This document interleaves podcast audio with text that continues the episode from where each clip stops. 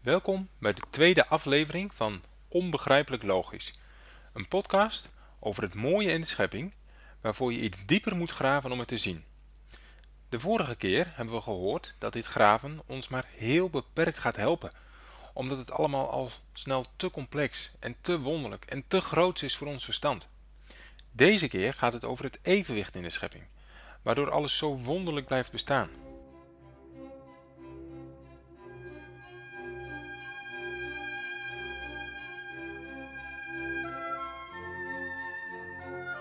Het lijkt zo makkelijk. Je doet wat waarnemingen, je constateert wat feiten, je ontdekt wat natuurwetten en met die ingrediënten trek je een conclusie over het ontstaan van het heelal. Hoe kan het dan toch dat de knapste wetenschappers met dezelfde waarnemingen een tegenovergestelde conclusie trekken? Nou, dat komt omdat iedereen, ik herhaal iedereen met een gekleurde bril naar de wereld om zich heen kijkt.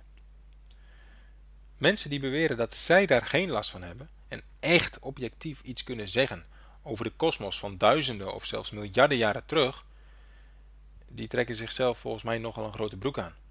Je moet dan namelijk kunnen waarnemen zonder je te laten beïnvloeden door kennis en ervaringen die je vooraf hebt opgedaan. Maar die kennis is tegelijkertijd juist noodzakelijk om überhaupt iets nuttigs te kunnen zeggen over je waarneming. Dus eerder opgedane kennis, ervaringen, emoties, eh, successen en mislukkingen, die beïnvloeden altijd de interpretatie van de dingen die je waarneemt. Een voorbeeld. Stel je voor, je komt thuis en je ziet je moeder met een zakdoek de tranen uit de ogen vegen. Je zult misschien al snel de conclusie trekken dat ze verdrietig is, maar later blijkt dat ze de uien heeft gesneden. Nou, als jij dat laatst al eerder bij je moeder had gezien, na het uien snijden, dan had je waarschijnlijk een andere conclusie getrokken. Maar als jij wist dat er bijvoorbeeld iemand ernstig ziek was in de familie, dan denk je bij tranen direct aan verdriet. Nou, in dit simpele voorbeeld zie je dat ervaringen uit het verleden je conclusie sterk beïnvloeden. Het valt echt niet mee om altijd objectief te zijn. In de wetenschap zie je precies hetzelfde. De een weet bij het ontdekken van nieuwe aardlagen heel zeker dat dit miljoenen jaren geleden is ontstaan en hij kan moeiteloos allerlei redenen opsommen waarom dit zo is. Die kennis heeft hij namelijk in het verleden opgedaan tijdens allerlei studies en andere waarnemingen. De ander ziet precies dezelfde aardlagen en die trekt met hetzelfde gemak de conclusie dat deze aardlaag zo'n 4500 jaar geleden door de zonsvloed is ontstaan. Hoe moet je met deze verschillen omgaan en wat moet je er zelf van denken? Nou, eigenlijk is het al genoeg als je beseft dat deze verschillen er zijn. In discussies met anderen kan dat helpen om zelf niet altijd te claimen dat alleen jij gelijk kan hebben.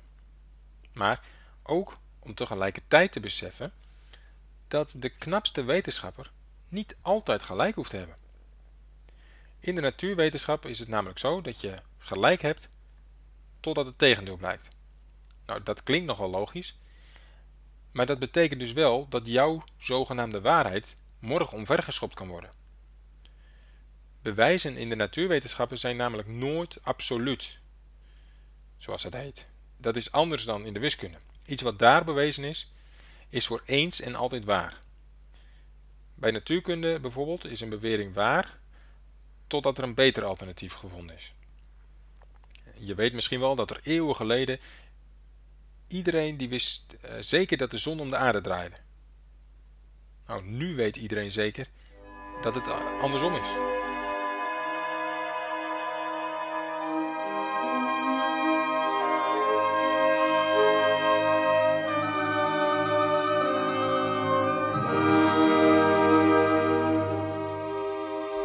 Terug naar de titel van deze aflevering, Evenwicht in de schepping.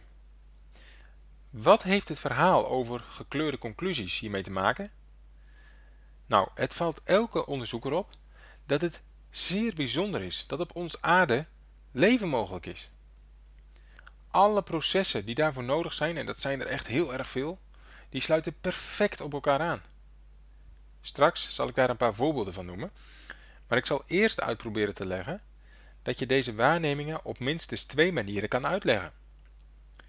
Ik zal het proberen uit te leggen aan de hand van een voorbeeld. Stel je voor, je wint een miljoen in de loterij. Je weet wel, die organisaties die onbeschaamd inspelen op de hebzucht van mensen.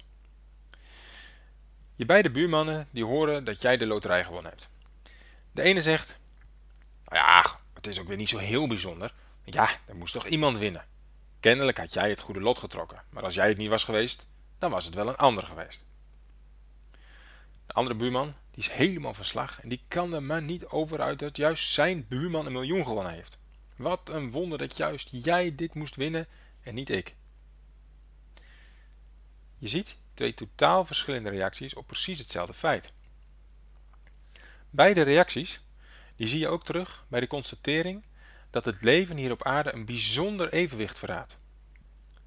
De ene wetenschapper zegt, logisch, misschien zijn er wel een miljard planeten, nou, op de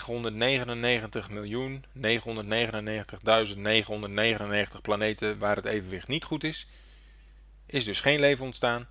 En op die ene, waar wij dan leven, toevallig wel.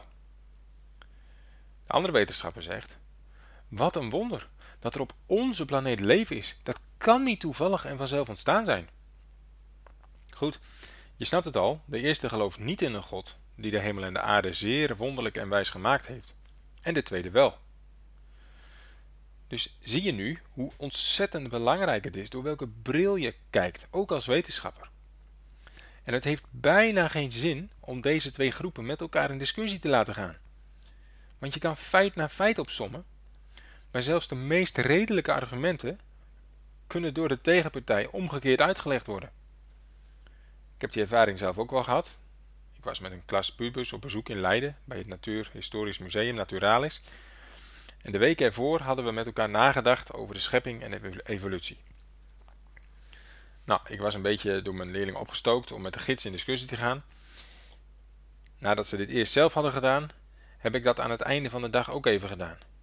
Maar vooraf was natuurlijk al duidelijk dat we lijnrecht tegenover elkaar stonden op dit punt. Een van de argumenten die hij voor de evolutietheorie aanvoerde, is dat er veel dieren nogal op elkaar lijken en dus wel van elkaar af moeten stammen. Ik zie als creationist ook wel dat apen rechtop kunnen lopen. Volgens mij houden daar de overeenkomsten met de mens en de aap aan de buitenkant wel zo'n beetje op, maar ik zeg dan, ik zie daar de hand van dezelfde schepper in. Tegelijkertijd haast ik me om te zeggen dat juist de verscheidenheid aan levensvormen maar altijd versteld doen staan. De soortenrijkdom is enorm. Als er al leven vanzelf is ontstaan, hoe kan het dan dat er een spin, een slang, een kwal, een vogel, een zeehond en een olifant bestaan? Dan had ik eigenlijk veel meer van hetzelfde verwacht.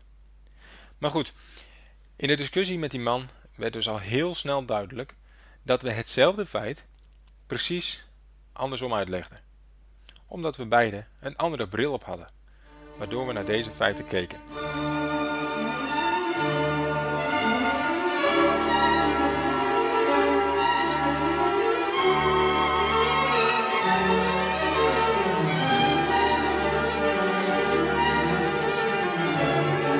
Nog even over de naam creationist trouwens, die ik mezelf net gaf. Die naam wordt nogal eens uitgelegd als iemand die door allerlei diepgravend onderzoek wil aantonen dat de aarde 6000 jaar geleden door God geschapen is en niet door opeenvolgende toevalligheden ontstaan kan zijn. In die zin wil ik echter geen creationist zijn. Ik heb namelijk geen enkele reden om Gods bestaan te moeten bewijzen. God bewijst zichzelf, ook of misschien moet ik zeggen juist in de schepping.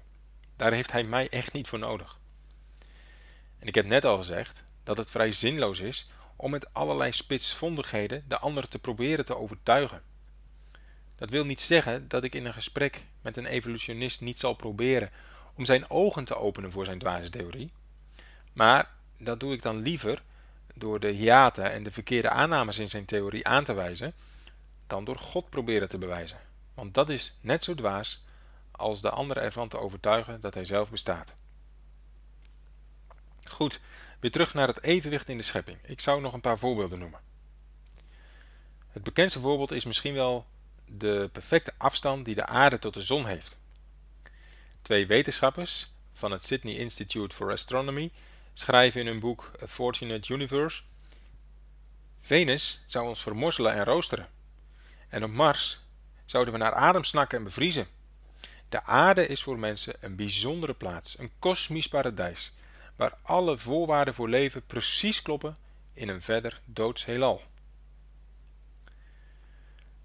Niet alleen de afstand tot de zon is perfect, ook de zon zelf heeft een magnifieke stabiliteit. Vergelijkbare sterren in ons melkwegstelsel zijn veel instabieler. En regelmatig explodeert er een tot een supernova. En dan blijft er maar een kleine witte dwerg of een zwart gat over. En als onze zon maar een paar procent minder energie zou uitstralen, zouden alle oceanen bevriezen. En laten we de maan niet vergeten. Zonder de maan zou er nauwelijks eb en vloed zijn. Dat lijkt misschien niet zo erg, maar heel veel organismen in de zee die zijn van hun voedselvoorziening afhankelijk van de getijden. En een grotere maan, of een maan die dichterbij stond, zou zulke heftige getijden veroorzaken dat de wereld elke 12 uur zou onderlopen. Die nauwkeurige afstemming geldt niet alleen voor objecten in het heelal, maar zeker ook voor de natuurwetten. Over natuurwetten hoop ik nog een aparte aflevering te maken, maar nu alvast één voorbeeld, om het niet al te ingewikkeld te maken. Maar bedenk, het is wel ingewikkeld. En juist die enorme complexiteit is een megafoon, waardoor geroepen wordt, we zijn geen toevallige zak rondlopende moleculen, maar een product van een zeer ingenieus ontwerp. Elke keer als ik me weer in verdiep, dan, dan val ik stil van verwondering. Mijn circa 1300 milliliter hersens, die snappen echt nog geen speldenknop van het simpelste proces op aarde. Wat moet God de zevende dag wel vol genoegen van zijn eigen werk hebben gerust? Maar goed, ik dwaal een beetje af. Hierbij een beloofde voorbeeld van de fine-tuning in de natuurwetten. Een van de belangrijkste deeltjes in atomen is het elektron. De massa van het elektron is altijd hetzelfde en de massa's van de andere ehm, eh, deeltjes in een atoom die zijn precies een veelvoud van die van een elektron. Hoe belangrijk de massa van een elektron is, blijkt wel uit wat er gebeurt wanneer een elektron zwaarder zou zijn. Alle atomen zouden dan spontaan direct uit elkaar vallen. Ik citeer er zouden geen vaste stoffen kunnen bestaan. Geen planeten, geen DNA, geen botten, geen levende cellen, geen organen. Kortom, er resteert een enorme puinhoop zonder leven. Dat zeggen de twee eerder genoemde wetenschappers. Als dergelijke eigenschappen maar een fractie veranderen, zouden de natuurkunde en scheikunde van ons heelal niet meer bestaan.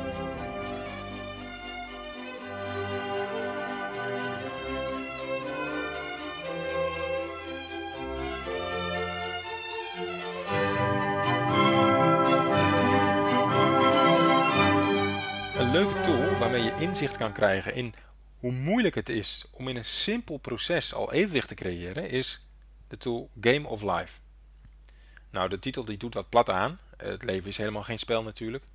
En het is ook niet door een christen bedacht. Maar ik werd als wiskundige direct getriggerd door de complexe processen die ontstonden op basis van drie hele simpele regels. En die complexiteit die richt zichzelf al heel snel ten gronde omdat er gewoon geen evenwicht ontstaat. Of er ontstaat wel een evenwicht, maar dat is zo ontzettend simpel. Uh, daar is niks moois meer aan. En dat gaat ook geen leven opleveren. Ik zal het kort even proberen uitleggen hoe dat uh, werkt. Je kan het ook zelf uh, zien door de app Game of, Life te, Game of Life te installeren op je telefoon. En ook voor als je geen wiskundige bent. het is heel simpel en het ziet er heel grappig uit. Uh, zelfs de ultieme alfa's onder ons, die, uh, die snappen wat er gebeurt en die worden enthousiast als ze zien uh, hoe het werkt. Goed, nou, als je de app opent, dan zie je een heel groot vel met hokjes of cellen. En die kunnen levend zijn, dan zijn ze wit, of die kunnen dood zijn, dan zijn ze zwart. Je kunt bij de start van het proces zelf bepalen welke hokjes wit of zwart zijn, die kun je inkleuren. Maar als je op start hebt geduwd, dan gaat het programma zelf elke nieuwe cyclus Ehm, bepalen, uitrekenen welke hokjes er wit of zwart worden. En dat doet hij op basis van drie hele simpele regels. Nou, je moet uh, daarbij bedenken dat elk hokje die wordt omgeven door acht andere hokjes. Nou, de eerste regel is, als een witte cel door twee of drie witte buurcellen omgeven wordt, dan blijft de cel in de volgende cyclus ook wit. De tweede regel, als een witte cel door vier of meer witte buurcellen omgeven wordt, dan gaat de cel dood door overbevolking. En als die cel door minder dan twee witte buurcellen omgeven wordt, dan gaat de cel dood door eenzaamheid. En de derde regel is, als een zwart hokje wordt omgeven door precies drie witte buurcellen, dan wordt hij de volgende cyclus ook wit.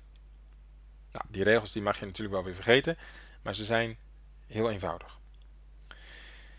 Waarom ik dit spel noem, is omdat het laat zien hoe moeilijk het is om bij een zeer eenvoudig proces evenwicht te creëren. De absurde complexiteit van het leven, met zijn ontelbare aminozuren, die als high-tech machientjes in jouw lichaamcellen hun doeltreffende werk doen, die laten zien dat evenwicht een heel, heel groot wonder is. Wat met toevallig elkaar ontmoetende atomen op geen enkele wijze te verklaren is. Ook niet als je je toevlucht neemt tot miljarden jaren. Omdat je ook wel inziet dat dit in een korte tijdsbestek al helemaal niet mogelijk is. Kijk, iets wat heel moeilijk is, dat kan je toch proberen voor elkaar te krijgen door er heel veel tijd voor te nemen. Maar bij iets wat onmogelijk is, eh, helpt dat niet.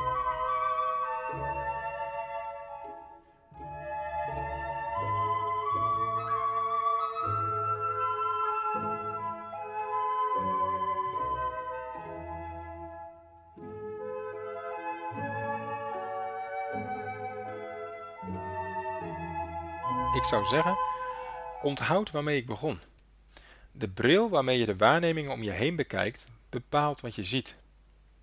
En dat bepaalt dus ook hoe jij het zeer bijzondere evenwicht in de schepping verklaart. Door de regels heen heb je wel begrepen dat mensen die God niet als schepper erkennen, zich van allerlei kunstgrepen moeten voorzien om de feiten toch godloos zonder God uit te leggen. En ja, je komt dan niet veel verder dan je eigen bestaan te zien als een zak met toevallig samengeklonterde moleculen. Jeremia was geen wetenschapper, maar die zag natuurlijk ook elke dag de schoonheid van de schepping om zich heen. En ik hoop dat je met hem in hoofdstuk 32 vers 17 uitroept, Ach Heere, Heere, zie, gij hebt de hemelen en de aarde gemaakt, door uw grote kracht en door uw uitgestrekte arm. Geen ding is u te wonderlijk.